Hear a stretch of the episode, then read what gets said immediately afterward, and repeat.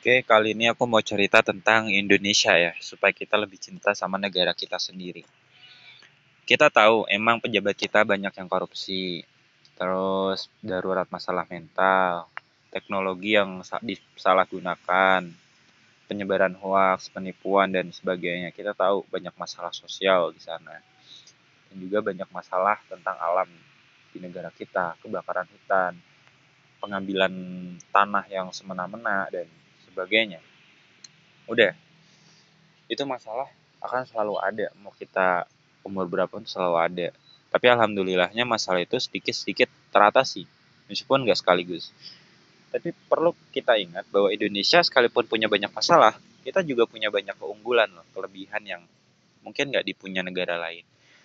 Contohnya kajaban dunia. Kajaban dunia itu kan artinya situs-situs tertentu yang indah, bersejarah, punya nilai histori yang tinggi. Candi Borobudur, Candi Prambanan, apalagi banyak pokoknya. Ya kan? Kayak Mesir, itu kan kajaban dunia di Mesir. Nah, kita punya Candi Borobudur punya banyak gunung ya kan kita bersyukur kita punya banyak gunung mau yang ekstrim mau yang biasa aja itu indah kita punya banyak garis pantai punya banyak pantai ya enggak atau wisata danau teluk yang unik-unik itu banyak. Jadi secara destinasi wisata kita sangat-sangat banyak. Dan harganya bervariasi. Ada yang murah ada yang gratis ada yang mahal. Ada yang premium eksklusif ada yang untuk umum. Dan itu kita harus bangga kita punya semua itu. Kekayaan daratnya kekayaan lautnya bayangkan. Ya kan? Sangat melimpah gitu loh. Terumbu karang ikan-ikannya pertaniannya sumber daya alam tuh banyak banget. Yang ngalahin negara Indonesia dari segi sumber daya alam apa? Paling cuma Brazil. Ya enggak? Cuma Brazil yang bisa ngalahin kita dari segi sumber daya alam. Kita nomor dua sedunia. Dan kita harus syukur itu. Tapi sayangnya emang optimalnya tuh belum ada. Pemanfaatan lebih baik oleh warga lokal tuh belum ada. Karena emang perlu pendidikan perlu skill ya kan makanya banyak orang asing tertarik sama sumber daya alam kita dan ya mau gimana lagi kita juga belum punya skill tapi pelan-pelan kita belajar gitu loh. Terus yang kedua adalah masih banyak orang baik di Indonesia, serius.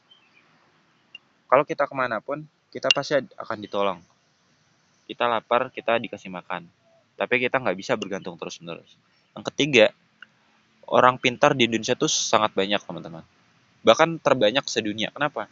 Banyak kok orang Indonesia yang ke luar negeri sekolah belajar terus mereka buat sebuah teknologi banyak ya mungkin ini asumsiku aja ya gitu loh soalnya aku pernah baca jumlah orang yang mengirimkan mahasiswanya ke luar negeri itu terbanyak ternyata Cina.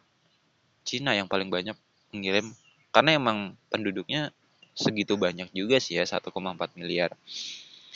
Tapi jujur orang pintar di Indonesia tuh banyak. Nilai TOEFL-nya 9 eh IELTS-nya 9 TOEFL-nya berapa maksimal itu ada.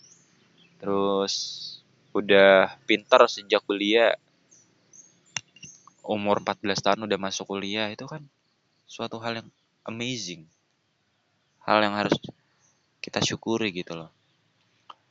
Cuman masalahnya emang gak dikelola dengan baik sumber daya manusia sama sumber daya alamnya. Belum ada sistem yang mumpuni gitu loh. Makanya pembangunan jadinya nggak merata.